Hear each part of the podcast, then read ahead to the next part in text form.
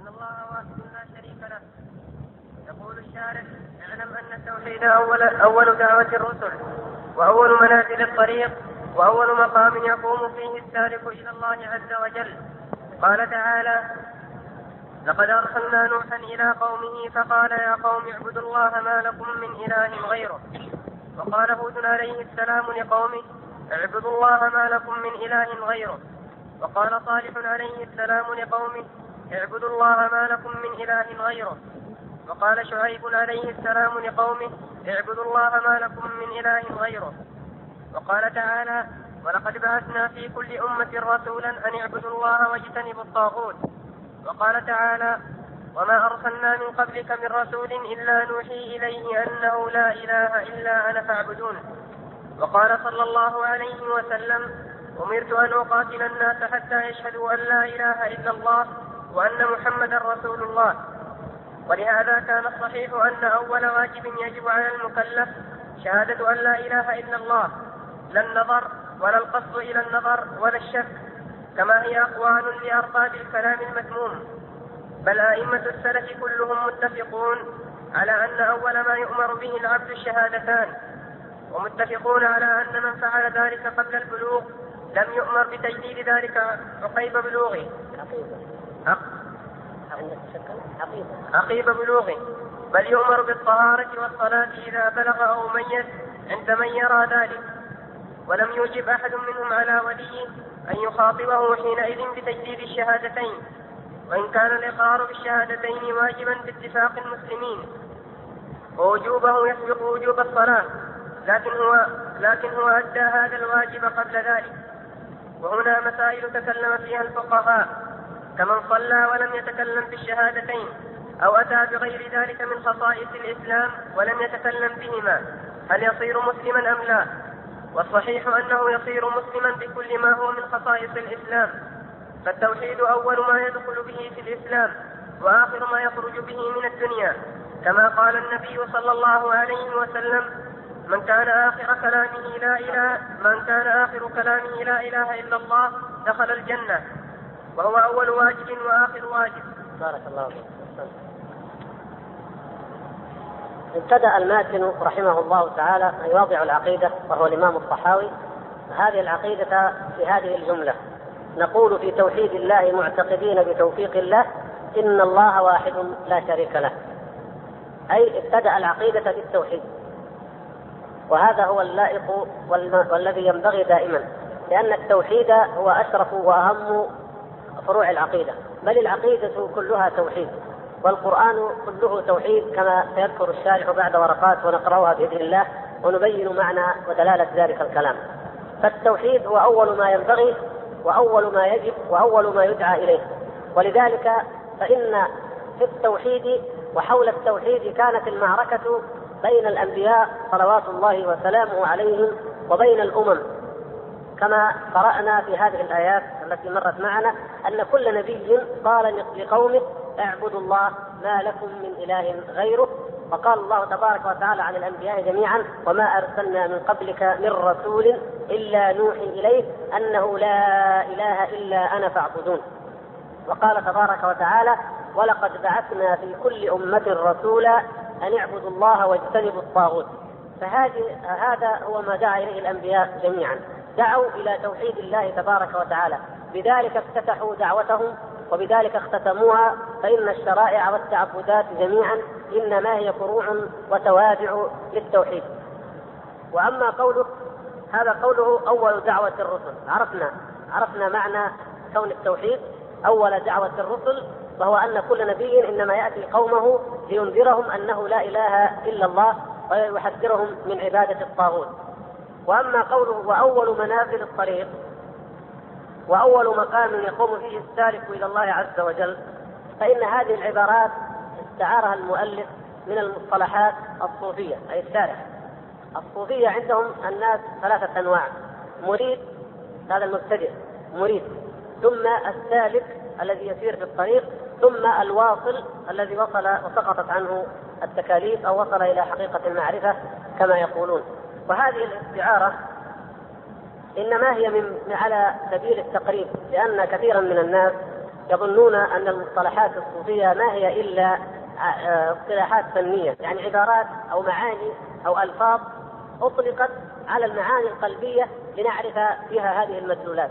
كما يقول كثير منهم إن الركن الثالث المرتبة الثالثة من مراتب الدين وهي الإحسان أن التصوف هو شرح لهذه الحقيقة. هكذا يقولون. وهكذا يظن كثير من الناس. الحقيقة وهي غير ذلك؟ نعم نحن نقطع بذلك ونجزم به. لكن المهم هو للتقريب ذلك استخدمها للتقريب وهي حددها أنه لم يفعل. لكن لو أن لو أن التوحيد أو لو أن هذا الدين طريق من الطرق لكان أول ما مقام فيه وأول ما ما يبدأ منه أول نقطة الاصطلاح الرياضي أول نقطة ينطلق منها الإنسان هو ماذا؟ هو التوحيد. فهم يجعلون آه هؤلاء القوم يقولون كما هو أصل ديانتهم في الهند إن بين العبد وبين الرب ألف مقام من الظلمة. ألف مقام من الظلمة يقطعها حتى يصل إلى النور أو التوحيد الذي هو عندهم المحو والفناء في ذات الله. تمحي نفسه وتفنى تتحد بالباري أو بالخالق سبحانه وتعالى عما يقولون علوا كبيرا. ثم نقلت هذه المصطلحات إلينا على سبيل إما أنه نقلها بعضهم وهو من أهلها ونقلها بعضهم على سبيل التقريب أو استعارة اصطلاحات لا لا لا يؤمن بمدلولاتها وربما أنه لا يدري على أي شيء تدل. والشاهد أن الطريق أو المقام الأول أي نحن نقول بالتعبير الرياضي النقطة الأولى نقطة الانطلاق ونقطة البدء في حياة الإنسان وفي معاملة الإنسان وفي عبادة الإنسان هي التوحيد توحيد الله تبارك وتعالى. فلا فلا شيء قبله. ولا يقبل من العبد شيء إلا بعد أن يوحد الله تبارك وتعالى وأن يؤمن به سبحانه وتعالى. ثم بعد ذلك نأخذ أنواع التوحيد إن شاء الله وتفصيله. لكن الأساس أن نعرف هذه القضية. وهي أن التوحيد هو أول دعوة الأنبياء وأول ما يبدأ فيه الإنسان في عبادته لله تبارك وتعالى. ثم ننظر إلى أهمية التوحيد. وإلى قيمة التوحيد. هذه الأمة هي أمة التوحيد. وأبو الأنبياء جدنا الخليل إبراهيم عليه السلام هو إمام الموحدين وهو الذي جاء بملة إبراهيم. ثم أوحينا إليك أن اتبع ملة إبراهيم حنيفا.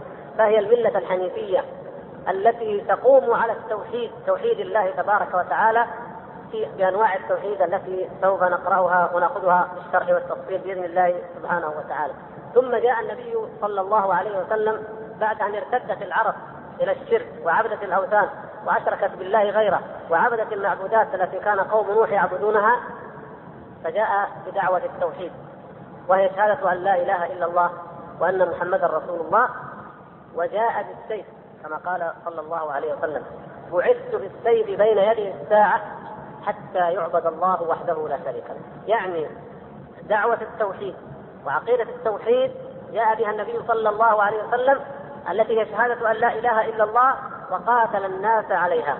فهي الموضوع الأول وموضوع المعركة بين الرسول صلى الله عليه وسلم وبين المشركين. ومن هنا نعرف أهمية هذا العلم وأهمية معرفته من أصوله وفروعه.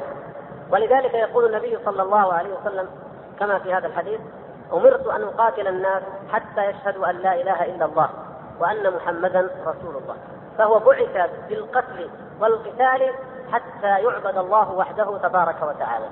وذلك تحقيق منه صلى الله عليه وسلم لآخر ما أنزل الله تعالى من أحكام القتال.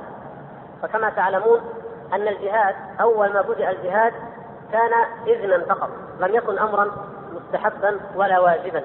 كان إذن أذن للذين يقاتلون بأنهم ظلموا وإن الله على نصرهم لقدير. هذا إذن أذن الله تعالى للمؤمنين بعد أن تحركت قلوبهم وتشوقت إلى أن يقاتلوا الكفار. فأنزل الله تعالى الإذن. ثم استمر الأمر إلى أن تدرج وصل في المرحلة الأخيرة إلى القتل لكل مشرك. بعد الأربعة الأشهر التي جعلها الله تبارك وتعالى آخر مهلة للكفار في جزيرة العرب خاصة أربعة أشهر يسيحون في الأرض ثم بعدها تكون النهاية. فإذا انسلخ الأشهر الحرم فاقتلوا المشركين حيث وجدتموهم وخذوهم واقعدوا لهم كل مرصد. هذه الآيات آخر ما نزل في الجهاد بشأن الجهاد. وقال سبحانه وتعالى عقبها فإن تابوا وأقاموا الصلاة وآتوا الزكاة فخلوا سبيلهم. وقال بعد ذلك أيضا فإن تابوا وأقاموا الصلاة وآتوا الزكاة فإخوانكم في الدين. فنعرف من هذا أن نفس منطوق الحديث. الحديث أمرت أن أقاتل الناس حتى يشهدوا أن لا إله إلا الله. ويقيموا الصلاة ويؤتوا الزكاة. وهو نفس مدلول الآية. فإن تابوا وأقاموا الصلاة وآتوا الزكاة فخلوا سبيلهم فإخوانكم في الدين أي وجبت لهم الأخوة فمن لم يفعل من لم يأتي بهذه الأركان الثلاثة فلا أخوة له في الدين ولا يخلى سبيله بل يقاتل ممكن نخش في موضوع الإيمان عرضا لو سأل واحد منكم وقد تسألون طيب لماذا لم يذكر الصيام ولماذا لم يذكر الحج؟ لأن أركان الإسلام خمسة لماذا ذكرت هذه الثلاثة ولم يذكر الركنان الباقيان؟ فنقول بإيجاز إن الصوم عبادة خفية. الصوم عبادة خفية. لا يعلم بها لا يطلع عليها فيقاتل عليها. لو دخلنا بلد من البلدان المطاعم مقفلة وقالوا كلنا صايمين قلنا صايمين. ما ندري مع أنهم قد يكونوا مفطرين. ولو نوى الإنسان بقلبه أنه مفطر ولو لم يأكل فهو مفطر. أليس كذلك؟ فهذه عبادة خفية. لكن نقاتل عليها. لو عرفنا أحدا بعينه قتلناه أو عرفنا أمة أو قرية أو طائفة امتنعت عنه قاتلناها قتال كفر وردة كما أجمع الصحابة رضوان الله تعالى عليهم بعد المناظرة مع أبي بكر على أن يقاتلوا تاركي الزكاة كما يقاتل المرتدين. وقال عمر رضي الله عنه لو أطعنا آه، آه، أبا بكر لو لم نطع أبا بكر أو لو خالفنا أبا بكر لكفرنا بغداة واحدة. بعد أن تذكروا وتنبهوا إلى أن قول أبي بكر والله لو والله لأقاتلن بينما لأقاتلن من فرق بين الصلاة والزكاة. هذا الكلام هو نفس منطوق الآية.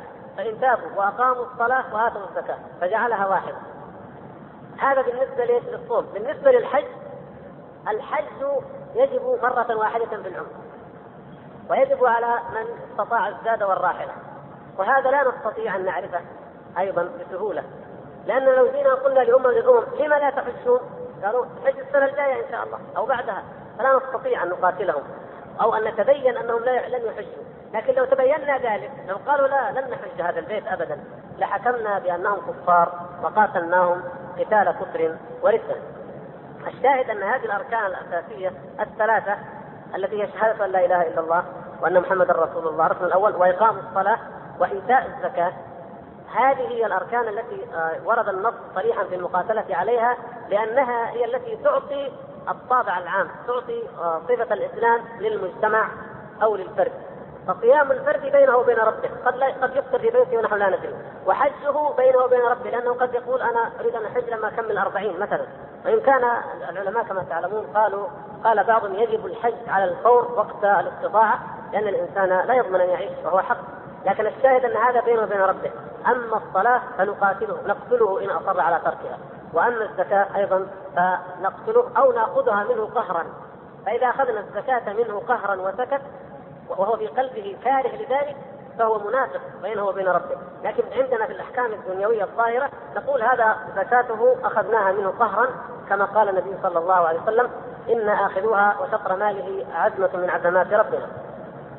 هذه لمحة سريعة وإن شاء الله في موضوع الإيمان نتحدث بتفصيل أكثر عن أحكام الكفار وأحكام المرتدين ومعاملة كل منهم ولعلنا إن شاء الله بعد المغرب إذا تحدثنا عن حكم الزنديق نأتي على بعض هذه المسائل. الشاهد أن ماذا؟ أن أول أن هنا هي أهمية التوحيد وأنه أول ما يجب معرفته على العبد مثل ما مر معنا هو الأصل الأول من الأصول الثلاثة التي يجب معرفتها هو توحيد الله تبارك وتعالى. ولذلك الإمام البخاري رحمه الله تعالى لما وضع كتاب التوحيد. وكما تعلمون الإمام البخاري فقيه. وفقه البخاري في ماذا؟ في تراجمه كما يقول. فقه البخاري في تراجمه. الترجمة هي عنوان الباب الذي يضعه البخاري. والبخاري رحمه الله لديه دقة عجيبة جدا في انتقاء الأحاديث في انتقاء التراجم في انتقاء الأحاديث التي يبدأ بها كتابه. حتى كتابه الصحيح تجد دقة عجيبة. افتتحه بكتاب بدء الوحي ثم كتاب الإيمان ثم كتاب العلم. دقة عجيبة. وهكذا.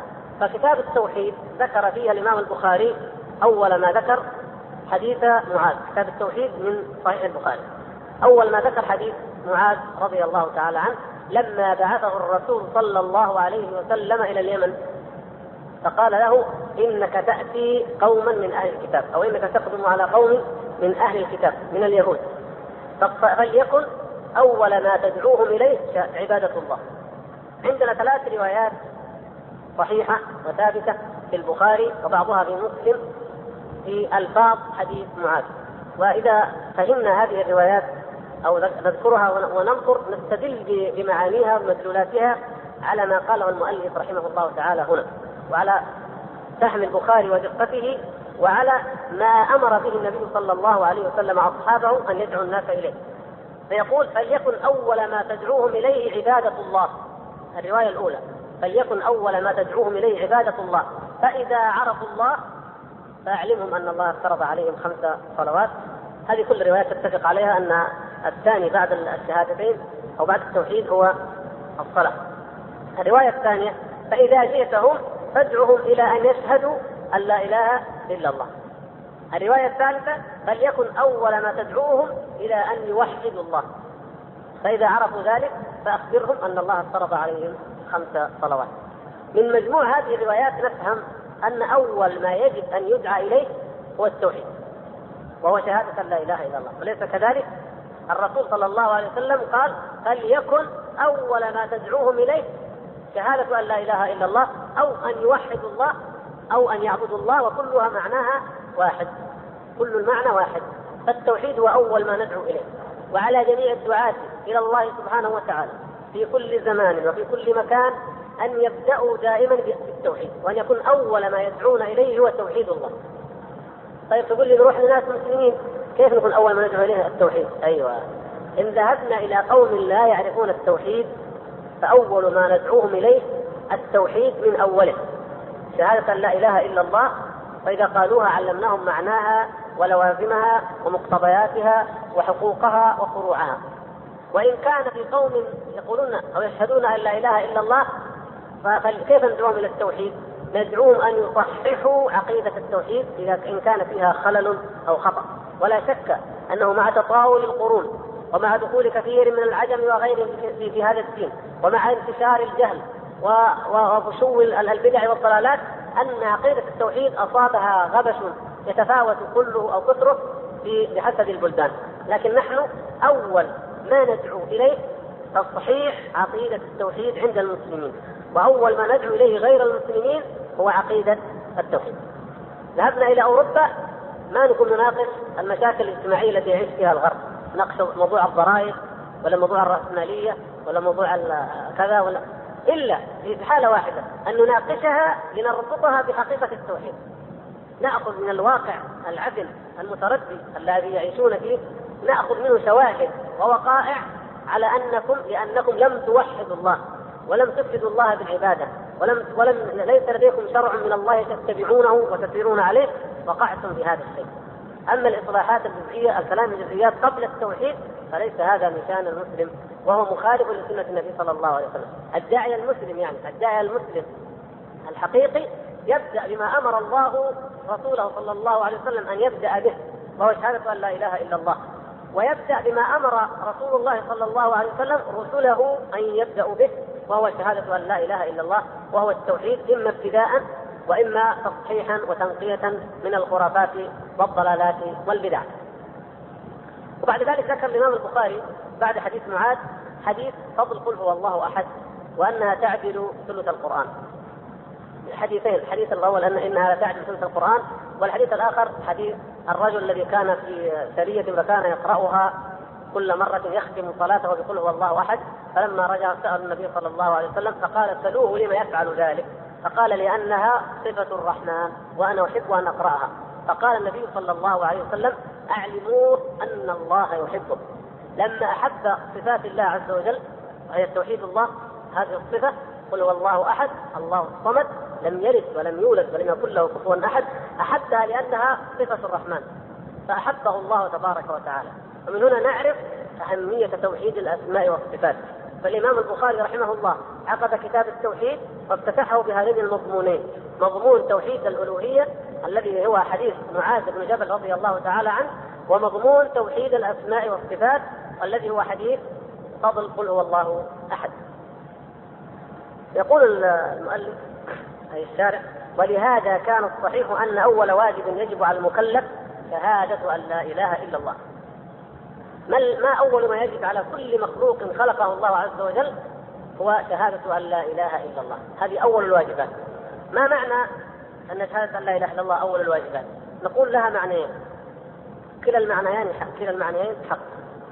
الأول أنها أول الواجبات يعني أول ما ندعو إليه من الواجبات وأول ما نبدأ به هو شهادة أن لا إله إلا الله. هذا المعنى الأول.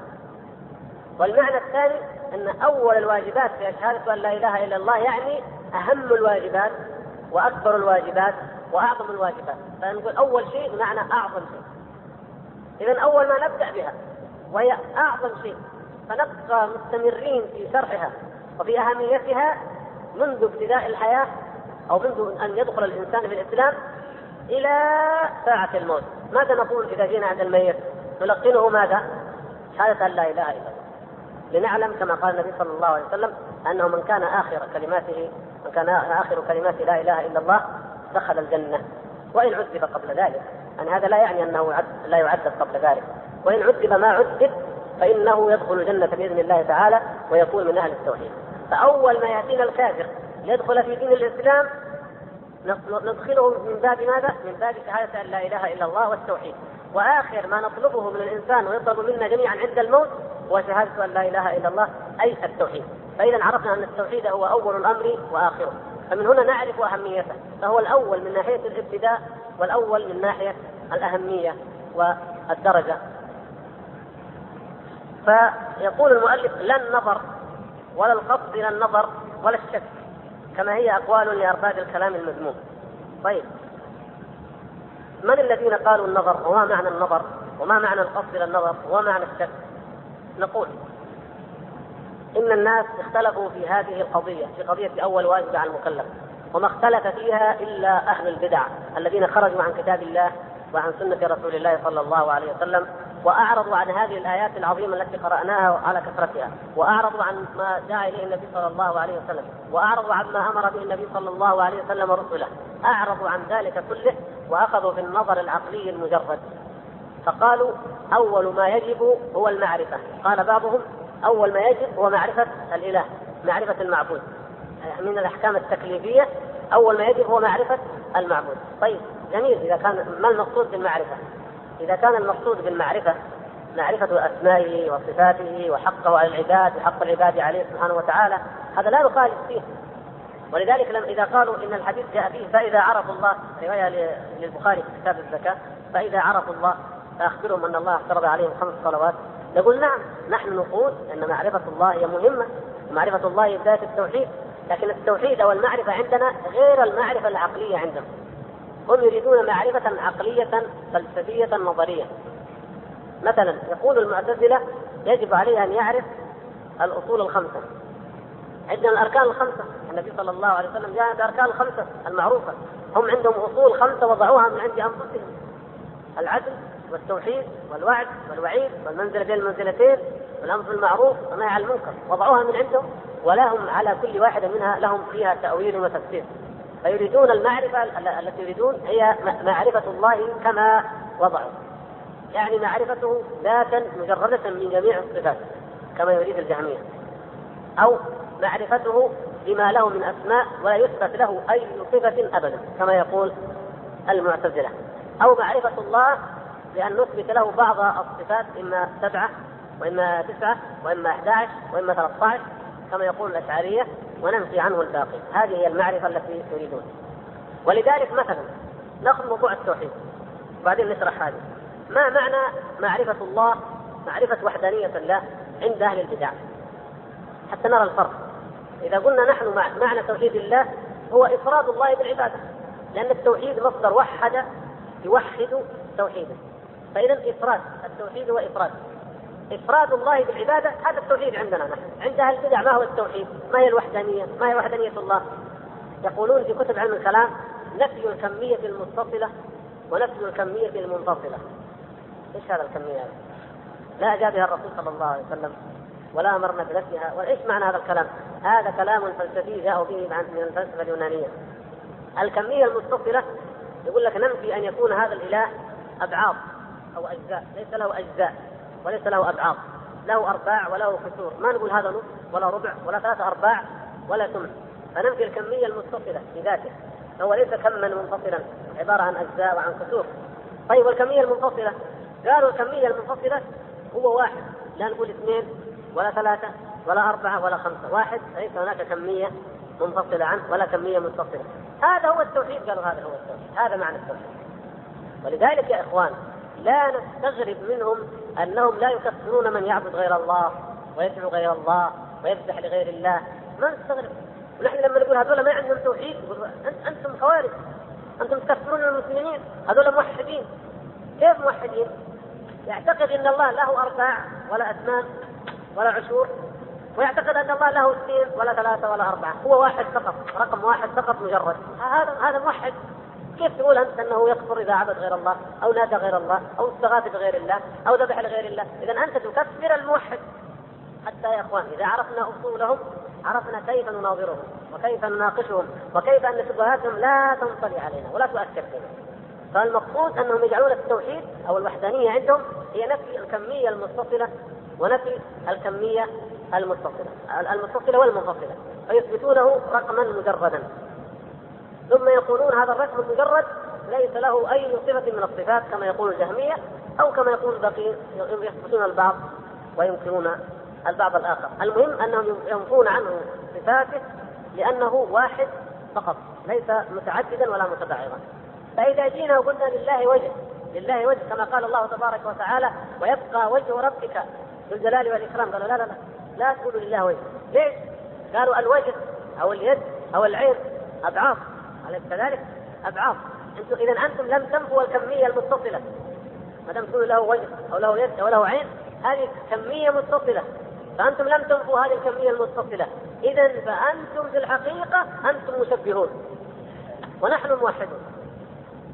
هذه يا إخوان سبب الخلاف بيننا وبين هؤلاء القوم.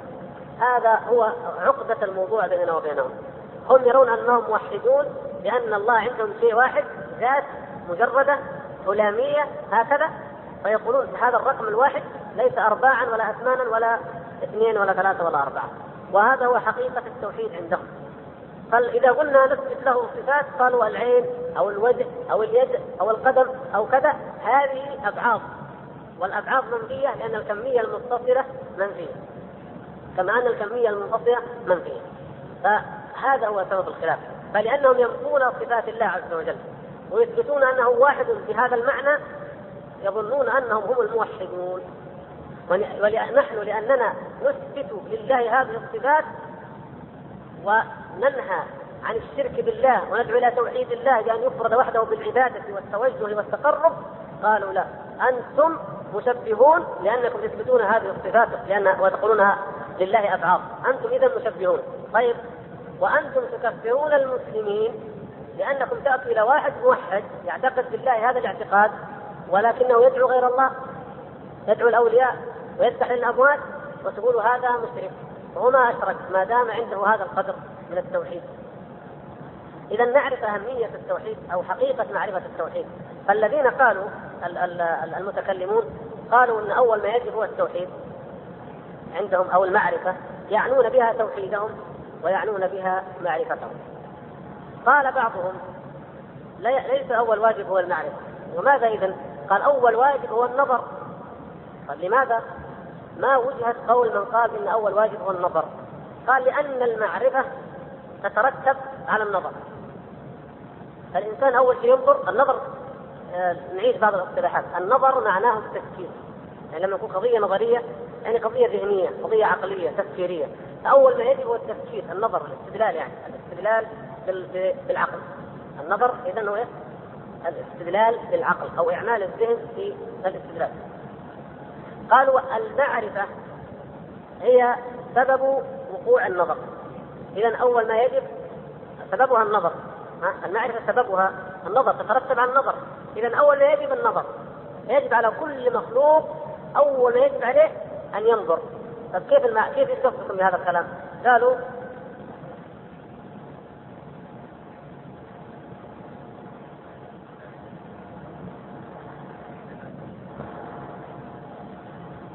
قالوا إن كان الإنسان مسلما أو غير مسلم.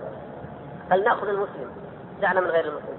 قالوا هذا المسلم إذا بلغ لأن التكليف يبدأ بالبلوغ. هم من ناحية فقهية يأخذوا كلام الفقهاء لأنهم شافعية أو حنفية هم فقهاء.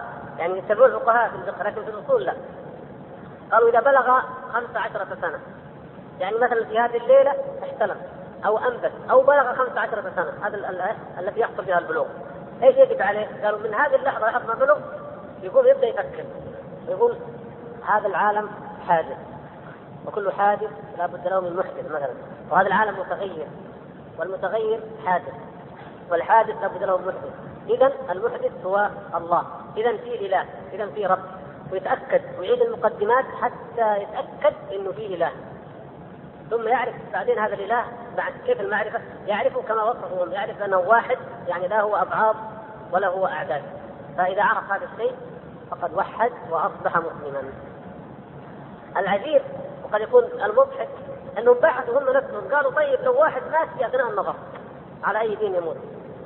يعني هو مسلم ومن أبوين مسلمين ويصلي بلغ في هذه الليلة بلغ الليلة خلاص. وقعد هذا ما يفكر ويجيب الأدلة ويرجح مات. قبل ما قبل ما يصل للحقيقة انه الله موجود. قالوا بعضهم يموت على الكفر. لأنه لسه ما دخل في الإسلام. ما دخل. كيف نقول مات مسلما؟ طيب. قال بعضهم لا. إن شاء الله هو مسلم لكن عاصي. يعني يعذب. قال بعضهم لا يعذر أو يعفى عنه. وأطالوا الكلام في هذا. هذا مثلا الإرشاد كتاب الإرشاد للجويني إمام الحرمين. لكن هذا الكلام. كيف؟ من من اخترمته المنية كما يقولون وهو في حال النظر. إيش حكمه؟ سبحان الله. كيف نضع الأصول الفاسدة ثم نرتب عليها لوازم باطله ومن الباطل باطل ثم يتشعب الباطل حتى نجد باطلا كاملا كما ترون في علم الكلام. من أولها إلى آخرها باطل مركب لا حق فيه ابدا والعياذ بالله. فقالوا اذا أول واجب هو النظر. هذا الكلام الذي قاله الجويني قال المعرفة والنظر قال ابن فورج كلاهما من أئمة الأشعرية.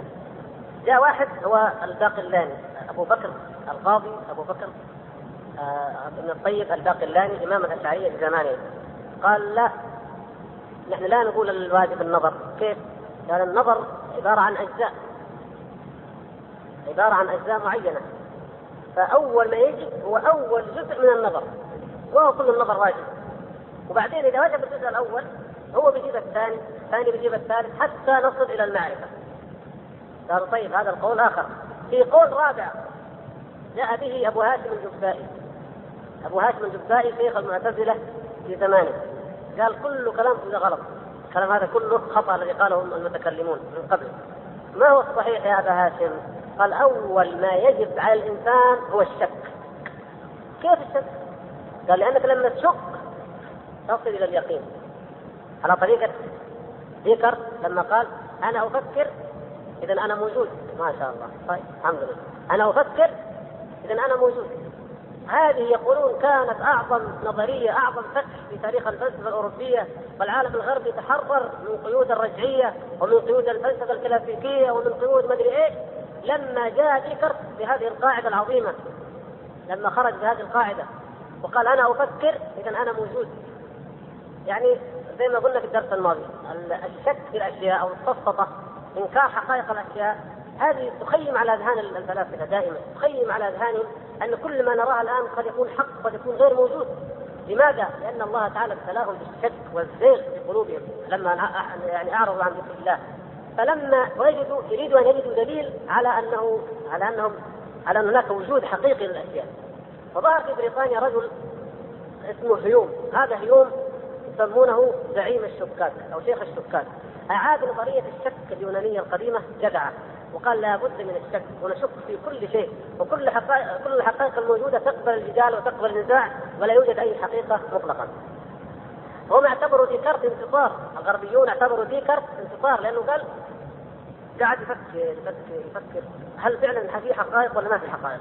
بعدين افتكر الدليل قال ما دام أنا أفكر إذا أنا موجود إذا في حقائق موجودة إذا ما دام أنا موجود الحمد لله وخرج الصيح قال أنا أفكر إذا أنا موجود واعتبر هذا فتح عظيم في الفلسفة وفتح عظيم في أبواب المعرفة. وهذا يا إخوان حتى نعرف ما مقدار النعمة التي أكرمنا الله تعالى بها لما أعطانا هذا الوحي. ولما لم يكلنا إلى إلى زبالة أذهان هؤلاء المتهوكين أئمة الضلال هؤلاء.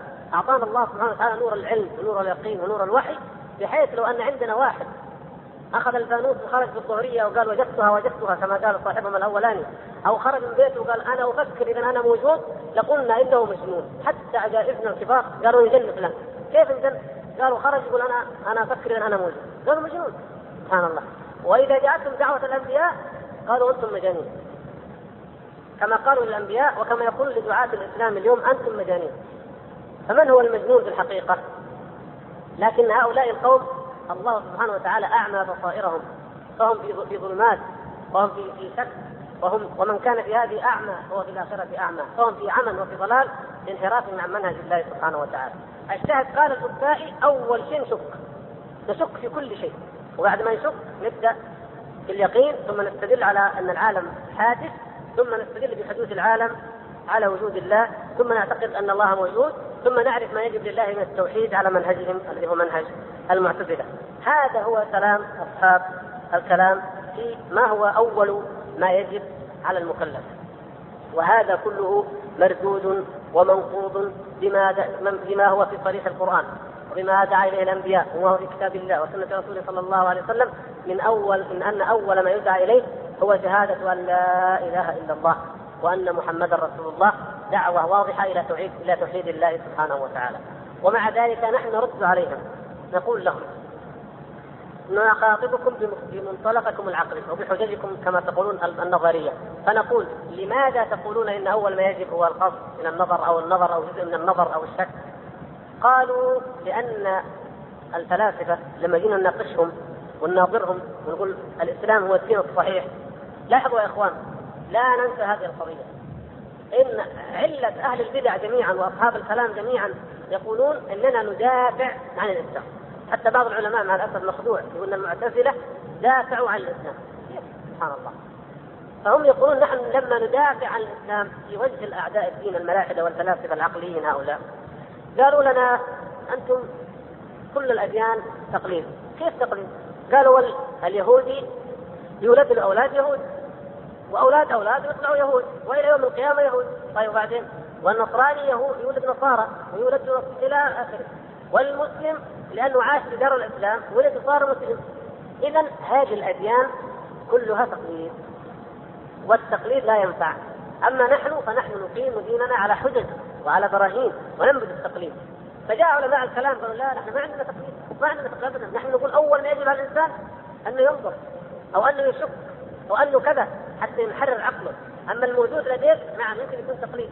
يمكن صح اذا هذا تقليد. لو أن واحد من المسلمين كما يقولون واحد من المسلمين يعيش في بادية أو في أي مكان وهو أمي ويعبد الله عز وجل ويقوم بجميع الواجبات والفرائض ودون دون أن يستدل بالعقل على وحدانية الله كما يريدون هم بالمعنى الذي يشرحوه قالوا هذا يسمى مقلد. وكما مر معنا اختلفوا في إيمان المقلد فقال بعضهم لا يثبت وقال بعضهم إنه عاصي وقال بعضهم إنه معذور. المقلد. المقلد عندهم هو هذا أن اليهودي مقلد والنصراني مقلد والمسلم مقلد. إذا أخذوا الأديان كلها تقليد وأما الحق فهو ما يعتقدونه هم من البراهين ومن الحجج العقلية. فنحن نرد عليهم بردود كثيرة. أول ما نرد عليهم به هؤلاء الذين يقولون ندافع عن الإسلام نقول أنتم رضيتم أن يسوى بين الإسلام وبين غيره من الأديان الباطلة. المحرفة أنتم الذين تقولون ندافع عن الإسلام بهذا الكلام. رضيتم أن يسوى بين دين الإسلام وبين الأديان الأخرى. فإن من كان على الإسلام أو من ولد على الإسلام فليس بمقلد أبدا. وكل مسلم ليس بمقلد في أصل الدين أي في إيمانه بالله. ليس أي مسلم على ظهر الأرض ليس مقلدا في إيمانه بالله إلا على المعنى الذي سنذكره إن كان يسمى تقليدا. لماذا؟ لأن النبي صلى الله عليه وسلم يقول كل مولود يولد على الفطرة. كل مولود يولد على الملة. وفي رواية كل مولود يولد على هذه الملة. هذه الملة ملة الإسلام. فنحن نجزم ونعلم أن أولاد اليهود وأولاد النصارى وأولاد المجوس كلهم إنهم يولدون على هذه الملة. ولذلك قال فأبواه يهودانه أو ينصرانه أو يمجسانه ولم يقل يسلمانه ثم قال صلى الله عليه وسلم كما تنتج البهيمة البهيمة جمعاء. هل ترون فيها من جدعاء البهيمة لما تولد تولد مشخصة مشرطة مقطوعة الإذن عليها علامات مميزة؟ لا تولد جمعاء. ولذلك كل مسلم كل إنسان يولد مسلم. فمن الذي يغير وضع الخط والشرط ويقطع الأذن ويجعل علامة معينة بانتماء معين الأبوان أو المجتمع أو التربية؟ يربى على اليهودية صار يهوديا. ربى على المجوسية على الشيوعية على أي دين صار عليه. وإلا فهو في أصله ولد على الإسلام وعلى هذه الملة في أي مكان ولد. هذا الشيء. الشيء الآخر أنكم إن قلتم إن, إن لا إيمان للمقلد المقلد لا إيمان له. طيب نقول لكم من هو المقلد؟ وما هو التقليد؟ نحن وإياهم متفقون. نحن وهم متفقون على أن التقليد هو اتباع الغير بلا حجة. نفس أصحاب الكلام هؤلاء. لو قلنا لهم أنا اتبعت كل ما تقول كذا قال لا لا تقلدني لكن لو قلت ما هي براهينك؟ قال كذا وكذا. قلت أيوة أنا عرفت هذه البراهين واتبعتك. أنا مقلد؟ يقول لي لا أنت لن ما أنت مقلد لأنك آمنت أو اتبعتني بعد ما عرفت براهينك. فنقول يا سبحان الله وأي حجة أعظم من إرسال الرسل؟ وهل اتباع الأنبياء تقليد المسلم متبع لمن؟ للنبي صلى الله عليه وسلم. وجميع أتباع الأنبياء على الحق متبعين للأنبياء. وأنتم تقولون إن التقليد هو إيش؟ اتباع أو أخذ قول الغير أو اتباع الغير بلا حجة بلا حجة. فنحن ما هناك حجة أعظم من اتباع الأنبياء ومن الوحي الذي أنزله الله. ومن الآيات ما من نبي إلا وأتى بآيات بينات خارقات على أنه نبي من عند الله. وما من نبي كذب إلا وأهلك الله عز وجل المكذبين ودمرهم وأنجى المؤمنين وأنجى نبيهم. اذا اذا معنى هذا إيه؟ معنى هذا أننا لدينا حجة واضحة حجة عظيمة. قل فلله الحجة البالغة. قال هذه الحجة هي إرسال الرسل؟ لئلا يكون للناس على الله حجة بعد الرسل. فكيف تقولون إن نأخذ كلام الغير بلا حجة؟ ونحن نتبع أنبياء الله ونتبع رسل الله ونتبع الآيات والبراهين البينات التي نجدها في الكتاب وفي السنة ثم نقول لهم إن القرآن العظيم قد جاء بالحجج العقلية النظرية مثل ما جاء بالحجج النقلية. القرآن الكريم لكل من يقرأه ويتدبره واضح. ليس مجرد يقول آمنوا بكذا أو ذكر لأشياء. لم يذكر فقط يوم القيامة مجرد ذكر. لم يذكر وجود الله مجرد ذكر. لم يذكر الإيمان بالله مجرد ذكر. لا. بل نجد أنه يهز العقل هزا ويهز الفطرة هزا عنيفا شديدا. أفلا ينظرون أفلا يتدبرون أفلا يتذكرون؟ آيات عظيمة جدا ويستدل الله سبحانه وتعالى ويبين ويحتج علينا بأنه قادر على إحيائنا بعد الموت بحجج كثيرة عظيمة. ويستدل سبحانه وتعالى على وحدانيته بحجج كثيرة عظيمة سنأخذ بعضها إن شاء الله ونفصل القول فيها. أخي على طريق الحق هنا منتصف الشريط جاء بالحجج السمعية أو الحجج الخبرية كما يسمونها وجاء بالحجج والبراهين العقلية. ولذلك لم يثبت ولم يصمد أمام أصحاب محمد صلى الله عليه وسلم ولا التابعون أي مناظر من الملحدين أبدا. أبدا لم يثبت أمام أي مناظر. بل كانوا يفتحون قلوب الأمم والشعوب قبل أن يفتحوا بلادهم. لأن النور الذي يحملونه معهم يضيء في تلك القلوب. فتظهر الفطرة. يظهر الميثاق الفطري. وإذ أخذ ربك من بني آدم من ظهورهم ذريتهم وأشهدهم على أنفسهم ألست بربكم؟ قالوا بلى شهدنا. فهم شاهدون ومقرون. فإذا جاء هذا الصحابي أو هذا المبلغ عن رسول الله صلى الله عليه وسلم ودعاهم إلى التوحيد طابقوا ما جاء به بما في قلوبهم من الفطرة فتطابقت مثل ما تصور أي شيء وتطابق النسخة مع النسخة وإذا بها متطابقة تماما. ولذلك قال الله تبارك وتعالى فأقم وجهك للدين حنيفا فطرة الله التي فطر الناس عليها لا تبديل لخلق الله. فهذا الدين منقوش في الفطرة لا يبدله أحد. ثم يأتي الأنبياء ما يصدق ويؤيد هذه الفطرة. فليس في الأمر تقليد مطلقا وإنما هو حجج عقلية. أما أنتم فكلامكم هو محض التقليد ومحض الهوى والتخرص والظنون ولذلك اختلفتم وعرفتم وتركتم سنة رسول الله صلى الله عليه وسلم. نأتي لقضايا فقهية وهي مهمة.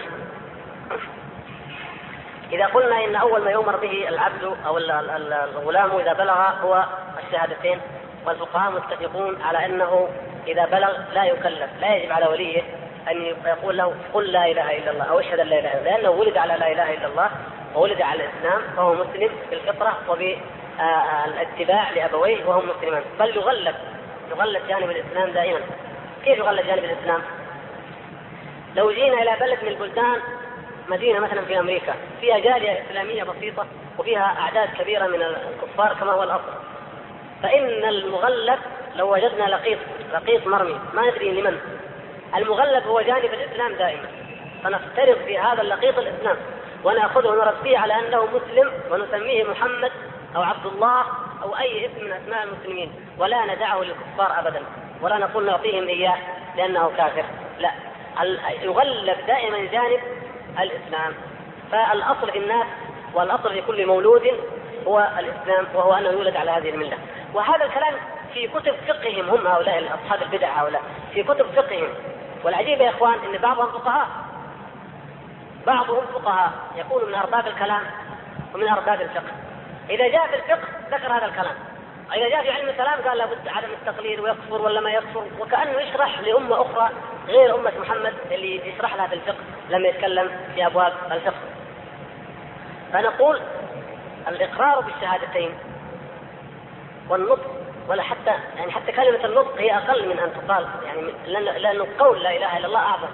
في فرق يا إخوان بين القول وبين النطق. إيش هو إيش الفرق؟ النطق مجرد إخراج الحروف ثم نطق. لكن القول في اللغة العربية يطلق على الفعل. إذا أنا حركت كذا قل وقال بيديه هكذا كما جاء في الحديث. وقال بيديه هكذا مثلا. أو يقول قلت بكذا بمعنى فعلت به كذا. فالشاهد أن الذي ورد في الكتاب والسنة هو قول لا إله إلا الله وليس نطق. قول لا إله إلا الله الركن الأول من أركان الإسلام. لا يكون الإنسان مسلما أبدا ما لم يشهد أن لا إله إلا الله. وليس بهذا خلاف ولله الحمد بين علماء السنة والجماعة ولا بين الفقهاء إلا لما ظهرت البدع. فقالوا إن إن الإيمان يكون في القلب. عجيب. قالوا هذا الإيمان بس هو ما في القلب. ولا يشترط أن ينطق ولذلك قال بعض المؤلفين أن من عرف الله بقلبه ولم يشهد أن لا إله إلا الله ولم ينطقها يعني رأى الرسول أي رأى أي نبي من الأنبياء أو سمع عنه كذا فلما سمع في قلبه يتيقن إنه رسول وراح مشى. ولا قال لا إله إلا الله ولا تحد بشيء ولا تتبعه. قالوا هذا يمكن أن ينجو عند الله ناج عند الله ولا يعذبه الله لأن التصديق حصل عنده. هذا كلام باطل مخالف للإجماع المنعقد من عهد النبي صلى الله عليه وسلم إلى اليوم من أهل السنة والجماعة وهو أن الإنسان لا بد له أن يشهد أن لا إله إلا الله ولا بد له أيضا أن يؤدي الصلاة ولا بد له أن يؤدي الزكاة. لكن الكلام في مبدأ دخول الإسلام مبدأ دخول الإسلام هو شهادة أن لا إله إلا الله فلا بد أن يشهد بها نطقا حتى وإن كان في قلبه غير مقر بها. قد يقول ذلك نحن لا نطلع على القلوب ولم نؤمر أن نشق أن نشق القلوب، لكن أما القول فيجب أن نسمعه منه حتى إذا قال أشهد أن لا إله إلا الله عاملناه معاملة المسلمين كما قال النبي صلى الله عليه وسلم أمرت أن أقاتل الناس حتى يشهدوا أن لا إله إلا الله وأن محمدا رسول الله ويقيموا الصلاة ويؤتوا الزكاة. فإذا فعلوا ذلك عصموا مني دماءهم وأموالهم إلا بحقها وحسابهم على الله. إن كان في قلبه يعتقد غير ذلك حسابه على الله. أما أن يعتبره مسلم وهو لم لم ينطق بشيء ولم يقل أي شيء فهذا خارق للإجماع المستفيض المشهور أنه لا بد أن يشهد كل إنسان أن لا إله إلا الله وإلا لا يعتبر مسلما ولا مسلما ولا يأخذ أي حكم من أحكام المؤمنين لا في الدنيا ولا في الآخرة طيب كيف لماذا نقول هذا الكلام؟ نقول يا إخوان لأن هناك فرق بين أحكام المرتد وبين أحكام الكافر الأصلي. الكافر الأصلي اليهودي أو النصراني يبقى على كفره، لكن من قال لا إله إلا الله شهد لا إله إلا الله وقال أنا مسلم أو فعل شيئا من خصائص الإسلام ثم نكث ثم كفر ثم رأيناه يحمل الصليب مثلا ثم سجد لغير الله. فهذا مرتد وهذا يقتل. بخلاف الأول فإن دينه هو هكذا من الأصل. فنحن نعامل المرتد بناء على أنه قد دخل في دين الإسلام. طيب بما يصير الإنسان مسلما؟ بما نعرف أن هذا دخل في دين الإسلام؟ أهم هذه العلامات هو أن يشهد أن لا إله إلا الله وأن محمدا رسول الله. يكفي؟ لا لا يكفي.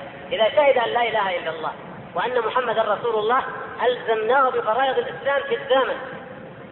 لاحظوا نحن لا نكره أحدا أن يقول لا إله إلا الله لكنه إذا قال لا إله إلا الله باختياره نكرهه على أن يصلي وإلا قتلناه رده وكفرا على القول الصحيح الراجح الذي لا يجوز العدول عنه. فيقتل كفرا. لماذا؟ لأنك ما دام قلت أشهد أن لا إله إلا الله قد التزمت بهذا الدين ودخلت فيه. فتقول أترك الصلاة؟ هذا كفر نعلمه طبعا نعلم إن كان جاهل حتى يعرف. فإذا عرف يجب عليه أن يلتزم بباقي الأحكام. يقول المؤلف هنا وهو ها هنا مسائل تكلم فيها الفقهاء كمن صلى ولم يتكلم بالشهادتين. أو أتى بغير ذلك من خصائص الإسلام؟ قال هل يصير به مسلما؟ قال الصحيح أنه يصير مسلما بكل ما هو من خصائص الإسلام. عمر رضي الله عنه قال لو أنني بعثت جيشا لو أنني بعثت جيشا فحاصروا حصنا من العجم من أي أمة؟ فخرج منهم رجل من الحصن المحاصر فرفع يديه إلى السماء وأشار بإصبعه إلى السماء هكذا فقتلهم المسلمون لقتلتهم أو وديتهم. إما أقتلهم أو أدفع دياتهم لماذا؟ لأنه ما دام أشار هكذا فقد أشار بالتوحيد. يمكن يكون عجم ما يفهم أي لغة من ما يفهم اللغة العربية. أشار هكذا أشار بالتوحيد. أشار بالعلو بأنه لا إله إلا الله سبحانه وتعالى. إذا يعني نقول نقبل أي شيء يدل على الإسلام. أي قرينة تدل على الإسلام. هذا القول الصحيح. فلو رأينا إنسان يصلي واحد نعرف أنه كافر أو حتى لو كنا في بلد الكفر وفي أمريكا مثلا وأي بلد من هذا الكفر فرأينا إنسان دخل المسجد وكبر يصلي مع المسلمين، ماذا نقول؟ نعتبر هذا إيش؟ مسلم. لأنه فعل خصيصة من خصائص الإسلام. هذا بالنسبة للفرد، بالنسبة للدار كيف نعرف الدار أنها دار اسلام ودار كفر؟ عندنا حديث صحيح الرسول صلى الله عليه وسلم كان يبعث الجيش أو يبعث السرية في الليل فيبيتونهم يبيتون قريبا منهم فإن سمعوا الأذان وإلا أغاروا كما في الحديث الصحيح. إذا القرية المدينة البلد الذي يؤذن به بلد الإسلام. نعتبره بلد الإسلام. كنا ماشيين في أي بلد سمعنا أذان نعرف أن هنا مسلمين وهنا في بلد الإسلام. ثم بعد ذلك نعرف نعرف بقية الأحكام. يعني كونه قد يكون جارية مسلمة فقط والكفار آه هم الأكثرية. هذا شيء آخر ما يعني يوجد هذا في الواقع. لكن بلد مجهول ما ندري هو بأي حكم نعطيه. من حيث المبدأ إذا سمعنا الأذان عرفنا أن هذا البلد مسلم. يعني هناك علامات مبدئية ثم بعد ذلك يأتي البحث ويأتي الاستقصاء ويأتي الإلزام بالشريعة أو التمسك بالشريعة وعدمه عندما نقول هذا البلد مسلم أو هذا الإنسان مسلم لا يعني أنه كامل الإيمان. معروف هذا عند مذهب السنة والجماعة. لكن المهم أنه يأخذ هذه الصفة. هذه المدينة أو هذه القرية التي يؤذن فيها لله عز وجل تكون مسلمة. كما لو علمنا أن قوما مشركين حوالينا ما يدري أسلموا أو ما أسلموا. فلما سمعنا وإذا يؤذن على بصوت عالي في هذا البلد ولا أحد يعترض على الأذان. إذا عرفنا أنهم؟ دخلوا في الإسلام. إذا لا نحاربهم. نضع السلاح ندعوهم دعوة. إلى الإيمان بالله. نعلمهم حقائق الإسلام نعلمهم الصلاة نأخذ منهم الزكاة نقيم عليهم شريعة الله عز وجل. فلا ندعوهم يعني عرفنا أن هؤلاء أسلموا بهذه الشعيرة الظاهرة المعلنة فإثبات الإسلام للإنسان يثبت على الصحيح بأي شيء من خصائص الإسلام ومن عادات المسلمين. يعني أحيانا قد تكون قرائن ضعيفة جدا. لو مثلا دخلت بيت إنسان وإذا معلق مثلا صورة الكعبة على بيته ما أنت ما تدري يعني غرفة ما تدري لمن. ودخلت جبت الكعبة مثلا معلقة أو فيها سجادة وجنبها مصحف. وأنت ما وجدت فيها إنسان. تستشعر حتى لو كنت في بلد كفر إن هذه الغرفة يسكنها إنسان إيش؟ مسلم، لو جاء قال السلام عليكم تأكدت ان هذا مسلم. ما يعني هذا اللي تشهد انه من أهل الجنة ولا كان الإيمان يعني في ناس ما قدروا يفهموا هذا الشيء، لذلك قاعد يقول لك لا لا أتأكد وأتأكد، ما هو الغرض هذا مجرد اثبات مبدئي للأحكام، لا يعني الشهادة له بالجنة ولا بكمال الإيمان، لكن نحن نعمل بالقرائن. فإذا قال أشهد أن لا إله إلا الله وأن محمد رسول الله رأيناه يصلي في ظاهره ملتزم بأحكام الإسلام نحكم له بالإسلام. نحكم له يعني يأخذ الأحكام الظاهرة من أحكام المسلمين. وفي بعض الأحاديث زيادة كما يقول النبي صلى الله عليه وسلم في حديث صحيح فإذا صلوا صلاتنا واستقبلوا قبلتنا وأكلوا ذبيحتنا قال فهم المسلمون أو فهو المسلم له ما لنا وعليه ما علينا. أيضا أكل الذبيحة. الذي يأكل ذبيحة المسلمين معناه أنه دخل في دينهم. لأن نحن نترك لا نأخذ ذبائح المشركين. والمشركون لا يأكلون ذبائحنا فرضا نحن نعرف هذا منهم. فإذا أكلنا من أكل ذبيحتنا واستقبل قبلتنا وصلى صلاتنا فهو المسلم. في أي شيء له ما لنا وعليه ما علينا في الحقوق المعاملات الدنيوية. أما في العقيدة وأما في في الدين أما ما بينه وبين الله عز وجل فهذا يدين به الإنسان لربه تبارك وتعالى. ونحن إنما نعامل الناس بالأحكام الظاهرة حسب ما يظهر لنا منهم من كل إنسان. أرجو أن تكون هذه القضية واضحة يعني. ولذلك كما تعلمون أنه من قال لا إله إلا الله ولو كان في المعركة كما في حديث أسامة لما قتل الرجل فقال رسول الله صلى الله عليه وسلم أقتلته بعد أن قال لا إله إلا الله؟ قال يا رسول الله إنما قالها متعوذا بها من السيف متعوذا بها من القتل حتى لا أقتله فقال له النبي صلى الله عليه وسلم أشققت عن قلبه؟ فقال أسامة لا جرم لا أقتلن بعدها مسلما أبدا. ونفع الله تعالى أسامة بهذا الحديث. نفع الله تعالى أسامة بهذه القضية. فإنه لما اقتتل المسلمون لما قتل الصحابة وقعت الفتنة بينهم اعتزل أسامة جميع الفرق ولم يقاتل لا مع علي رضي الله عنه ولا مع أحد آخر غيره مع حبه لعلي رضي الله عنه. حتى إنه قال لو كان لو كنت في شدق الأسد يعني علي رضي الله عنه لو كنت في شدق الأسد لوددت أن أكون معك. إلا في هذا الأمر إلا في قتال المسلمين. لأنه قد التزم أن لا يقاتل مسلما ابدا. بعدما قال له النبي صلى الله عليه وسلم أشققت عن قلبه ونهاه عن قتل المسلمين. ونهى قال إني نهيت عن قتل المصلين. أو نهيت عن أقتل من قال لا إله إلا الله. بعض العلماء كما ذكر الحافظ ابن حجر في شرح كتاب التوحيد من صحيح البخاري وأنا أوصيكم جميعا أنكم تراجعوه لأنه فصل في قضية النظر هذه وما غيرها ذكر كلام أئمة الأشاعرة في ذلك وذكر كلام أبي جعفر السمناني وهو من أئمة الأشاعرة الكبار. ذكر أنه قال هذه المسألة مسألة أن أول واجب هو النظر أو آه، بداية النظر أو أجزاء النظر. قال هذه المسألة بقيت في مذهب الأشعري من المعتزلة. والحسن الأشعري رحمه الله عاد إلى مذهب أهل السنة والجماعة لكن عودة إجمالية.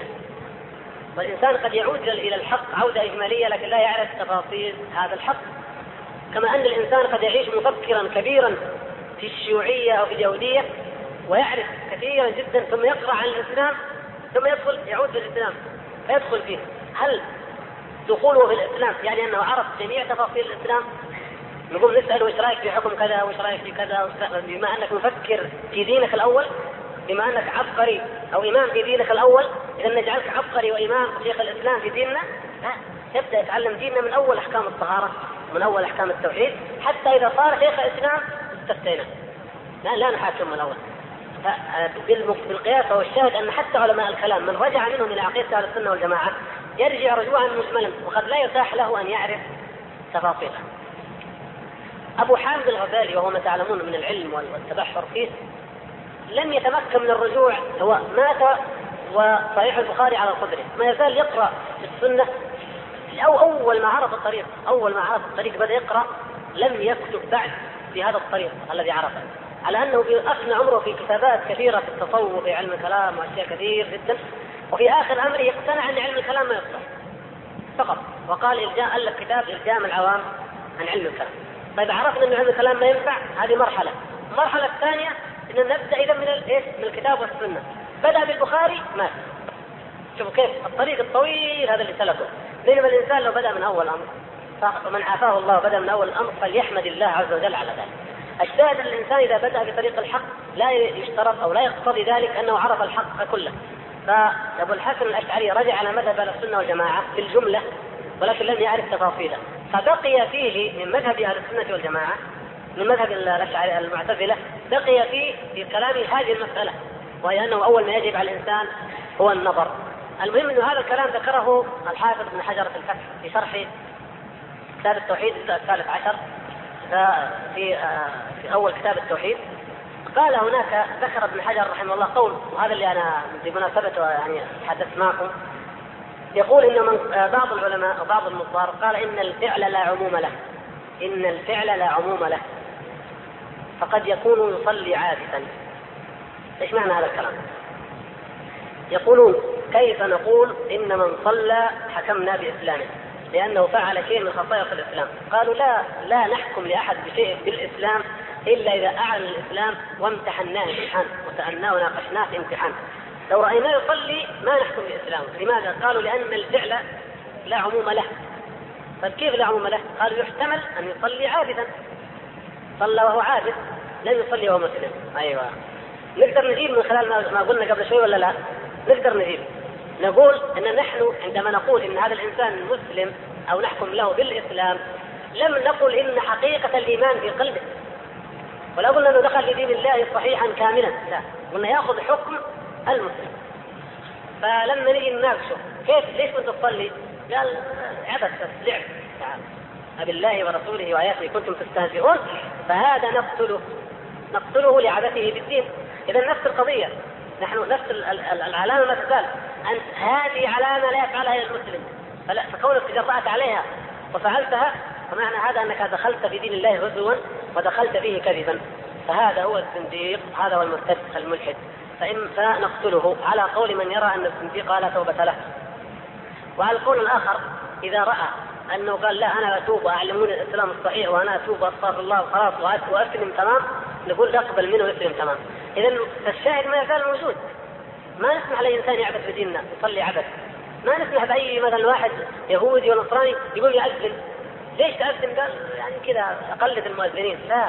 إذا أذنت خلاص ألزمناك نلزمك بهذا الشيء إما أنك تكون فعلا مسلم فعليك أن نلزمك بالصلاة والزكاة وتكون مسلم وباطنك إلى الله.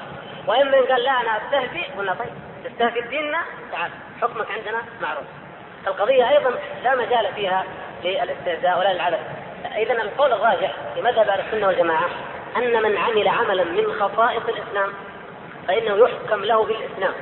لا لا يعني يحكم بأنه مؤمن كامل الإيمان أو بأن حقيقة الإسلام عنده لا يحكم أي يأخذ من حيث المبدأ أحكام المسلمين فيدعى إلى ما يدعى إليه المسلمون من الالتزام بالصلوات وبالجمع والجماعات وبأداء الزكاة وبسائر العبادات. بينما في الأول نرضى أنه يذهب إلى الكنيسة ولا ولا نتدخل في دينه على الشروط المعروفة التي معلومة في حكم أهل الذمة. مثلا لو كان من أهل الذمة لكن ما دام قد قال لا إله إلا الله أو دخل المسجد وصلى أو أو عمل عملا من أعمال الشعائر الإسلامية فنقول إذا لا بد لك أن تلتزم بالإسلام وأن تلتزم بدين الله سبحانه وتعالى ولا نقبل منك الرجوع عن هذا الدين أبدا. فإن قال أنا عابد أو مستهزئ عاقبناه على هذا العبث وعلى هذا الاستهزاء بأكثر مما كان يظن لو أنه بقي أو لو أنه أعلن الإسلام ولم يلتزم بأحكام الإسلام. فالتوحيد أول الأمر وآخره. أعني توحيد الإلهية. فإن التوحيد يتضمن ثلاث أنواع. أحدها الكلام في الصفات والثاني توحيد الربوبية وبيان أن الله وحده خالق كل شيء. والثالث توحيد الإلهية وهو استشقاقه سبحانه وتعالى أن يعبد وحده لا شريك له. أما الأول فإن فإن نفاة الصفات أدخلوا نفي الصفات في مسمى التوحيد. كجهم بن صفوان ومن وافقه. فإنهم قالوا إثبات الصفات يستلزم تعدد الواجب وهذا القول معلوم الفساد بالضرورة. فإن إثبات ذات مجردة عن جميع الصفات لا يتصور لها وجود في الخارج وإنما الذهن قد يفرض المحال ويتخيله وهذا غاية التعطيل. وهذا القول قد أفضى بقوم إلى القول بالحلول والاتحاد وهو وهو أقبح من كفر النصارى. فإن النصارى خصوه بالمسيح وهؤلاء عمموا جميع المخلوقات. ومن فروع هذا التوحيد أن فرعون وقومه كامل الإيمان عارفون بالله على الحقيقة. ومن فروعه أن عباد الأصنام على الحق والصواب وأنهم إنما عبدوا الله لا غيره. ومن فروعه أنه لا فرق في التحريم والتحليل بين الأم والأخت والأجنبية. ولا فرق بين الماء والخمر والزنا والنكاح والكل من عين واحدة لا بل هو العين الواحدة. ومن فروعه أن الأنبياء ضيقوا على الناس تعالى الله عما يقولون علوا كبيرا. ابتدأ المؤلف رحمه الله يشرح أنواع التوحيد الثلاثة. وهنا قضية نبدأ بإزالة هذه الشبهة التي تثار. يقول لك بعض المبتدعة من الذي قسم التوحيد إلى ثلاثة أقسام؟ هذه بدعة. وكأنهم يعلموننا أن كل بدعة ضلالة. فيقولون أنتم تقولون دائما توحيد الربوبية توحيد الألوهية توحيد الأسماء والصفات. نقرأ في القرآن ما وجدنا حاجة اسمها توحيد الأسماء والصفات. ولا وجدنا في السنة هذا الكلام. فمن أين جئتم به؟ هذه الشبهة دفعها سهل وهين وهي دلالة على جهل هؤلاء الناس وأنهم يكابرون.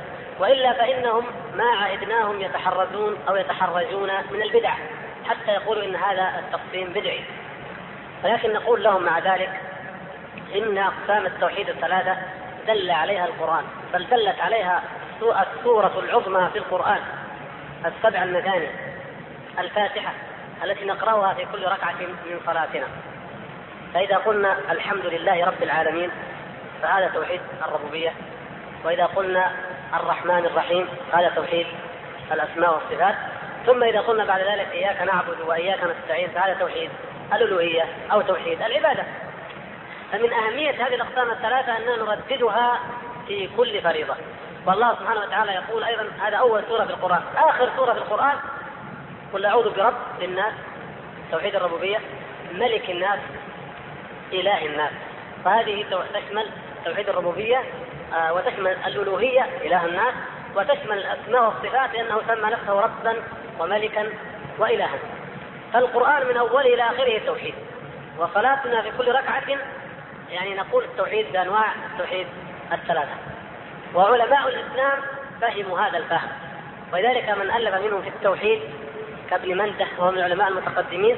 ذكر هذه الأنواع وذكر هذه الأقسام الثلاثة في القرن الرابع. فليست هذه من اختراع شيخ الإسلام ابن تيمية ولا غيره بل نفس شيخ الإسلام ابن تيمية وابن القيم يقسمون التوحيد باعتبار. التوحيد ينقسم ثلاثة أقسام باعتبار وينقسم قسمين باعتبار. فإما أن نقول توحيد الربوبية وتوحيد الألوهية وتوحيد الأسماء والصفات في هذا التقسيم الثلاثي كما سبق وإما أن نقول باعتبار المعرفة والطلب المعرفة والإثبات معرفة الله عز وجل وإثبات ما يليق به هذا جانب نوع توحيد المعرفة والإثبات.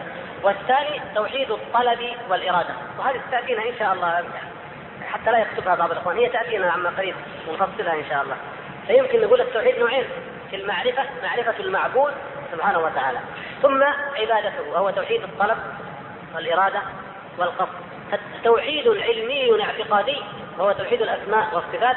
وما يعني ينبغي لله عز وجل بعظيم جلاله سبحانه وتعالى وكماله. والمعنى الآخر توحيد العبادة أي توحيد عملي. الأول علمي اعتقادي والآخر عملي طلبي إرادي. هذه إن شاء الله يأتي تفصيلها. الشاهد أن أنواع التوحيد ثلاث.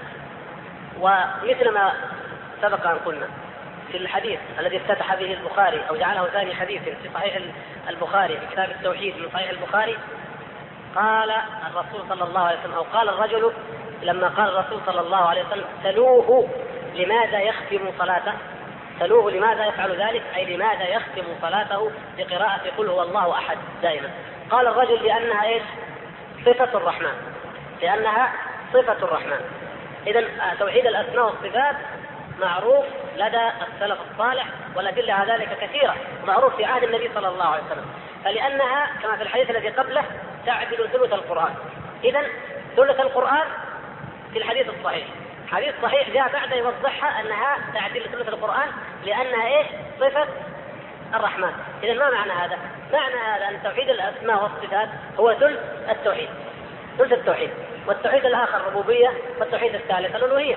إذا الحمد لله الأدلة من الكتاب ومن السنة ومن فعل السلف دالة على أنواع التوحيد الثلاثة. ولا ينكر ذلك إلا مكابرة. ولو أنهم حققوا التوحيد لما اختلفنا ونحن وإياهم في الأسماء. لكن لماذا هم يقولون أن التوحيد لا هذه الأقسام لا وجود لها؟ لأنه مثل ما قلنا أن التوحيد عندهم فقط نظرية. توحيد نظري معرفي وهو نفي الكمية المتصلة ونفي الكمية المنفصلة. هذا التوحيد عندهم. فقالوا هذه الأقسام الثلاثة بدعة. لكن الحمد لله قد أجبناهم من كتاب الله ومن سنة رسول الله صلى الله عليه وسلم ومن فعل مؤلفي وعلماء السلف كالبخاري وابن منده ثم من تلاهم من علماء الإسلام. وذكر المؤلف رحمه الله أنواع الثلاثة هنا سيذكر بعد صفحات أنها نوعان. فالأول الكلام في الصفات والثاني الربوبية والثالث الألوهية. يقول أما الأول أما الأول أما بيان التوحيد الأول فإن نفاة الصفات أدخلوا في نفي الصفات أدخلوا نفي الصفات في مسمى التوحيد. التوحيد عند الجهمية أن لا يثبت لله صفة قط. والتوحيد عند المعتزلة أن تنفى جميع الصفات لكن مع إثبات الأسماء. عليم بلا علم. قدير بلا قدرة. مريد بلا إرادة. عزيز بلا عزة. هكذا يقول المعتزلة. من عند أنفسهم. افتروا على الله عز وجل. والله تبارك وتعالى قد جعل القول على الله بغير علم في درجة بعد درجة الشرك في الزجر. قل إنما حرم ربي الفواحش ما ظهر منها وما بطن. والإثم والبغي بغير الحق وأن تشركوا بالله ما لم ينزل به سلطانا هذا أعظم. وأن تقولوا على الله ما لا تعلمون هذا أعظم من الشرك. المشرك يعبد غير الله عز وجل. هو قاعد يعبد حجر أو يعبد أي شيء المسيح أو عزير أو أي أي طاغوت يعبد غير الله، لكن من يقول على الله بغير علم أعظم من مجرد هذا المشرك، لأنه يأتي ويقنن وينظر لهذا الشرك. ويقول دين الإسلام ما ينفع ونأخذ من دين الإسلام كذا ونترك كذا ونأخذ من الأحاديث كذا ونرد كذا ونأخذ من ويبدأ يفصل هذا مقنن هذا مفتري على الله عز وجل، اذا فهذا من القول على الله بلا علم، فهو أعظم من مجرد الشرك بالله تعالى. هذا هو قول المعتزلة وقول الجهمية ووافقهم في بعض ذلك الأشعرية. فيقول أن نفاق الصفات جعلوا التوحيد هو نفي الصفات الجهمية. وقالوا إثبات الصفات يستلزم تعدد الواجب. إيش معنى الواجب؟ يعني الواجبات أنه الصلاة والصيام؟ لا. حتى نعرف المصطلحات. الواجب يعني واجب الوجود الفلاسفة يسمون الله تعالى واجب الوجود. يقول لك الموجودات تنقسم إلى ثلاثة أقسام. واجب وممكن ومستحيل من حيث الوجود. من حيث الوجود الأقسام ثلاثة. واجب الوجود وهو ما يوجد بذاته مستغن عن غيره وغيره مستقر بوجوده إليه. يعني الله عز وجل هم ما يسمونه الله يسمونه على لغتهم أو على منهجهم. واجب الوجود يسمونه. والممكن المخلوقات. ممكن توجد ممكن ما توجد. والمستحيل كما يقول هو وجود إيش؟ وجود واجبي وجود مثلا مع بعض. أو وجوده ولا وجوده مع بعض. وجوده ولا وجوده هذا مستحيل. وجود أي شيء ولا وجود. مثلا نقول الشاهد أنه واجب الوجود عندهم كما يقول الله عز وجل لا يثبتون له أي صفة إلا أنه واجب وجود وأنه موجود. لكن فين الموجود؟ في المثال في عالم المثال. الذهن لأن لو أثبتنا له أي صفة وجودية كما قلنا لا كما يقولون في عالم الواقع. ولو لو قلنا إنه واجب وجود بعدين قلنا عليم قال صاروا اثنين. كيف؟ هذه شبهتهم صاروا اثنين والاثنين ممنوع. إحنا قلنا وحدانية بس لا تبعيض لا لا كمية متصلة ولا كمية منفصلة. ما, ما نقول اثنين. طيب لو قلنا هو الله الذي لا إله إلا هو الملك القدوس السلام المؤمن العزيز الجبار المتكبر. أنتم جبتوا الآن ستة آلهة. كيف تسعة آلهة؟ الله عز وجل لما ذكر هذه الآيات ذكرها عشان يجيب عشر آلهة ولا 15 إله؟ ولا إله واحد له صفات؟ إله واحد وله صفات. فيقول هنا إثبات ذات مجردة عن جميع الصفات لا يتصور لها وجود بالخارج إثبات ذات ما لها أي صفة؟ بالمرة لا يتصور وجوده في الخارج يعني خارج الذهن. إذا وجد شيء موجود لابد نقول أنه طويل عريض مثلا ضخم أحمر أبيض أي شيء. لابد له وصف ما دام موجود في الخارج. إلا في الذهن إلا في الذهن. ولذلك واجب الوجود الذي يتكلم عنه الفلاسفة غير موجود أبدا إلا فين؟ في أذهان الفلاسفة. فقط. في أذهان الفلاسفة. ثم ذكر المؤلف قضية خطيرة هنا. يقول هذا القول قد أفضى بقوم إلى القول بالحلول والاتحاد. وهذه أخطر من مجرد إثبات من مجرد نفي الصفات. نفي الصفات كفر بالله عز وجل كفر يخرج من الملة لأنه تكذيب لكتاب الله. لكن أكثر منه الذين ذهبوا إلى مذهب الحلول والاتحاد. كيف؟ قالوا لا يوجد متعينا بالخارج أرجو أن ننتبه. العبارات دقيقة والمعاني صعبة. إن رأيتم أن نقف ممكن نقف. إن رأيتم أن نستمر فأرجو أننا نعي وننتبه. لأن نقف؟ نستمر؟ طيب. نعم. ها؟ أيوه نعيدها إن شاء الله لأنه قضايا دقيقة. من أين جاءوا بها؟ ترجمت. ترجمت من المصطلحات اليونانية. واللغة العربية لغة واسعة كما تعلمون فاستوعبت هذه المصطلحات. المهم يقولون هم إذا وجد أي شيء متعين خارج الذهن يعني موجود خارج الذهن بعينه هذه عين وهذا عين وهذا شيء متعين خارج الذهن لابد له صفات ولا لا؟ لابد يكون موصوف أنا وأنت وهذا لابد يكون لنا صفة طويل عريض فلان مثلا اسمه فلان لابد من صفة أي كانت هذه الصفة الذي لا يعني الله عندهم قال لا لا صفة له مطلقا، إذا لا يكون موجودا متعينا في الأعيان. يبقى إذا إيش؟ في الأذهان فقط، في الأذهان ولا يوجد في الأعيان. فجاء البعض الآخر اللي هم الصوفية بنوا على هذا الكلام شيء آخر، قالوا ما دام لا وجود له في في ال الأعيان إذا حقيقة الأمر أنه ما في إله غير هذه الأعيان، ما في شيء غير هذه الأعيان. إذا هذه الأعيان هي ذاتها الله سبحانه وتعالى. عرفتم كيف ركبوا قضية وحدة الوجود أو الحلول؟ ركبوها على نفي الصفات. ما دام لا يوجد معين أبدا لا يوجد إلا وهو موصوف المعينات موجودة. وهذا اللي لا صفة له غير موجود. إذا لا لا موجود إلا هذا. إذا النتيجة أنه ما في موجود إلا هذا العالم. إذا فهذا العالم هو الرب وهو الإله وهو الخالق هو المخلوق معا. هو هذا هذا معا. ولذلك يقول وهذا أقبح من كفر النصارى. ليش؟ لأن النصارى خصوه بالمسيح قالوا هو المسيح الله هو المسيح أو الإله حل في المسيح. أما هؤلاء فقالوا حل في كل شيء وهو في كل شيء. فالوجود الخارجي هذا هو نفسه الإله فهؤلاء أكثر من النصارى. ثم ذكر ما يلزم على هؤلاء هؤلاء من اللزومات يقول من فروع هذا التوحيد أن فرعون وقومه كامل الإيمان عارفون بالله على الحقيقة، يعني كل من أنكر الله عز وجل كما وصف نفسه سبحانه وتعالى فهو مؤمن بالله، لما قال فرعون أنا ربكم الأعلى صادق على كلامهم. والعجيب إنه هذا ما هو لازم قولهم. يعني إحنا نقول فرق بين أنك تلزم إنسان تقول له يا أخي لازم كلامك هذا كذا، كلامك هذا يلزم منه كذا، وبين يكون كلامه هو. لا. صرح بعض الصوفية بكلامه هو بأن فرعون كان صادقا عندما قال أنا ربكم الأعلى قالوا لماذا؟ قال لأنه ما في الوجود إلا هو. هو الوجود نفسه فإذا قال أنا ربكم الأعلى هو من الوجود فهو ما كذب. هذا هو الوجود. ولذلك ألفوا كتابا في إثبات إيمان فرعون بعضهم. وبعضهم يقول فرعون أصلا ما كفر ولا أشرك. وكل من عبد الأصنام أو عبد الكواكب أو عبد الأحجار ما عبد غير الله. ما عبد غير الله. وإنما هذه اختلفت المسميات.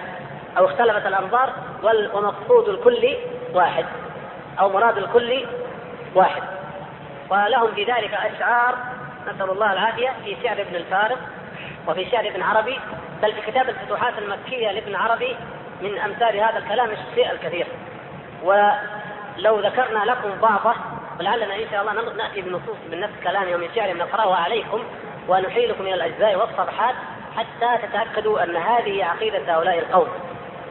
كما قال شاعرهم الآخر عبد الكريم الجيلي: وما الكلب والخنزير إلا إلهنا وما الله إلا راهب في كنيسته والعياذ بالله. من أمثال هذا القول الفاسق الذي يستحي الإنسان أن يقوله يقولون إنه حتى الكلب وحتى الخنزير هو إلههم. وانه الله والعياذ بالله عندهم راهب في كنيسه. وكما يقول الآخر والابن عربي يقول أدين بدين الحب أن توجهت ركائبه فالحب ديني وإيماني ثم ذكر بعد ذلك ومرتع مصحف قرآن ومرتع غسلان أبيات نسيتها الآن. أبيات تقول أنه يعني هو يدين بدين النصارى بدين اليهود بأي دين ها؟ المهم قلبه حاويا كل ملة. فأصبح قلبي حاويا كل ملة. فدير آه، ودير لرهباني. يعني آه، فكعبة أوثان ودير لرهبان فأصبح قلبي حاويا كل ملة فكعبة أوثان ودير لرهبان يعني جميع الأديان عندي سوا كل شيء سوا. اليهود المجوس النصارى المسلمون كلهم يعبدون شيء واحد. من يعبد الكلب من يعبد الخنزير من يعبد الشجر من يعبد الحجر من يعبد الكواكب كلهم يعبدون شيء واحد. ولا وليس هناك أي فرق. لماذا؟ قال لأن الموجود واحد. كما قال نفس ابن فارس قال آه العبد رب والرب والرب عبد. يا ليت شعري من المكلف. إن قلت رب فذاك آه، إن قلت عبد العبد هو المكلف فذاك رب لأنه هو نفسه العبد هو الرب. أو قلت رب لو قلت الرب هو المكلف أن لا يكلف أن لا يكلف الرب إنما يكلف العبد. إذا ما في تكاليف. إيش النتيجة؟ ما في تكاليف نهائيا. لأنه إن كلفني العبد قال لك أخي هذا رب الرب حال فيه. طيب كلفني الرب قال الرب من يكلفه؟ إنما يكلف العبد. النتيجة لا تكاليف لا عبادات مطلقا. وهذا هو دين القوم. فيقول الشيخ أن من من فروع توحيدهم هذا الذي يسمونه توحيد خاصة الخاصة. أعظم أنواع التوحيد. من فروعه أن فرعون كامل الإيمان وأنه صادق عندما قال أنا ربكم الأعلى وأن عباد الأصنام على الحق والصواب وأنهم ما عبدوا غير الله. وأنه لا فرق في التحريم والتحليل بين الأم والأخت والأجنبية. ليش؟ لأن الكل واحد. الكل واحد.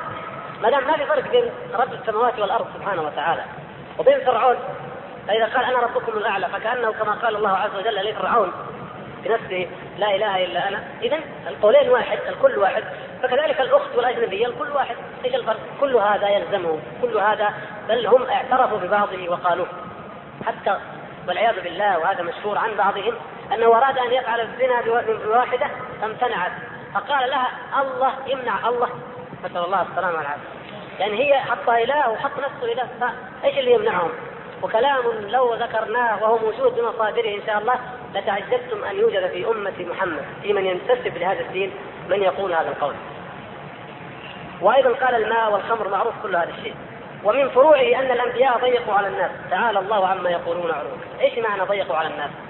جعلوا لنا عبادات معينة، جعلوا عقيدة معينة نعتقدها في الله، جعلوا طريق واحد فقط معين إلى الله عز وجل، غيره باطل. طيب بينما هي كل الطرق تؤدي اليه وكل العبادات صواب كما يقولون هم والعياذ بالله. اذا فالانبياء ضيقوا واسعا لما حجروا وجاءوا بهذا الشيء. بل حتى النبوة ابن سبعين في رسالة شيخ الإسلام السبعينية رد على ابن سبعين هذا. ابن سبعين مشهور ذكر ترجم له الذهبي وغيره كان يتعبد في مكة. وأقام في غار حراء فترة طويلة يتعبد ينتظر الوحي. وكان يقف في الطواف والناس يطوفون. ويقول لهم هؤلاء والعياذ بالله هؤلاء كالحمير التي تدور في الطاحون والعياذ بالله من استهزائهم بالدين. فقالوا له ما ما تتعبد لما تتعبد أجل أنت عند الكعبة هنا؟ ما دام هذا الكلام تروح غار حراء قال أنتظر الوحي. قالوا لا وحي بعد محمد صلى الله عليه وسلم انقطع الوحي. قال لقد ضيق ابن آمنة واسعا والعياذ بالله. شوف وهذا دين القوم نسأل الله السلامة والعافية. وهؤلاء القوم في الحقيقة هم زنادقة. تستروا بالانتساب إلى الدين ليهدموه. ونسأل الله سبحانه وتعالى أن يكشف باطلهم. وقد كشفهم الله عز وجل وفضحهم بما ألف علماء الإسلام من نقد ابن هذه النظريات. وهذه النظريات يا إخوان كلها تعود إلى الوثنية اليونانية. حتى دعاوى الصوفية هذه كلها ترجع إلى الوثنية اليونانية. لأن الفلاسفة الرواقيون كانوا من أكثر الناس عبادة وأكثر الناس زهد. فكان الحكماء يقولون إذا أردت الحكمة وأن تنقدح في قلبك حقائق الحكمة وتنطق بالحكمة فلا تأكل في اليوم إلا لوزة أو حبة أو كذا. وقننوا قوانين وكانوا يمشون. المشاؤون كانوا في آه الاماكن العلم حقهم اليونانيين يمشوا يمشوا يفكر ويمشي. ويلقي الدرس التلاميذ ويمشي يقول لك التفكير مع المشي يكون أعمق. وكان يمشي. سموهم المشاؤون. والرواقيون كانوا يجلسون بين الأروقة. سموه واقع الشاهد هؤلاء كانوا يعذبون أنفسهم ولا يكون إلا القليل يقول لك تنقطع الحكمة في قلبك. نفس الشيء أخذه هؤلاء أصحاب وحده الوجود والحلول الاتحاد فقالوا إذا تعبدنا كثير وزهدنا في الدنيا وضيقنا على أنفسنا تفيض علينا الحكمة ويفيض علينا العلم اللدني وينزل في قلوبنا العلم الباطن فننطق بكلام وإن عارض الأحاديث وإن خالف هذا الكلام الذي قال صاحبهم يقول حدثني به قلبي عن ربي والعياذ بالله. فقال أنتم تأخذون دينكم ميتا عن ميت. حدثنا عبد الرزاق مات. عن معمر ميت. عن أيوب ميت. ما كلهم مات. لكن نحن نأخذ علمنا عن الحي الذي لا يموت. والعياذ بالله. فيقول إن الله تعالى يقذف في قلوبهم الحكمة بهذا التعبد والتعذيب للناس وهذا هو عين ما قال به هو عين ما كان يعتقده فلاسفة اليونان.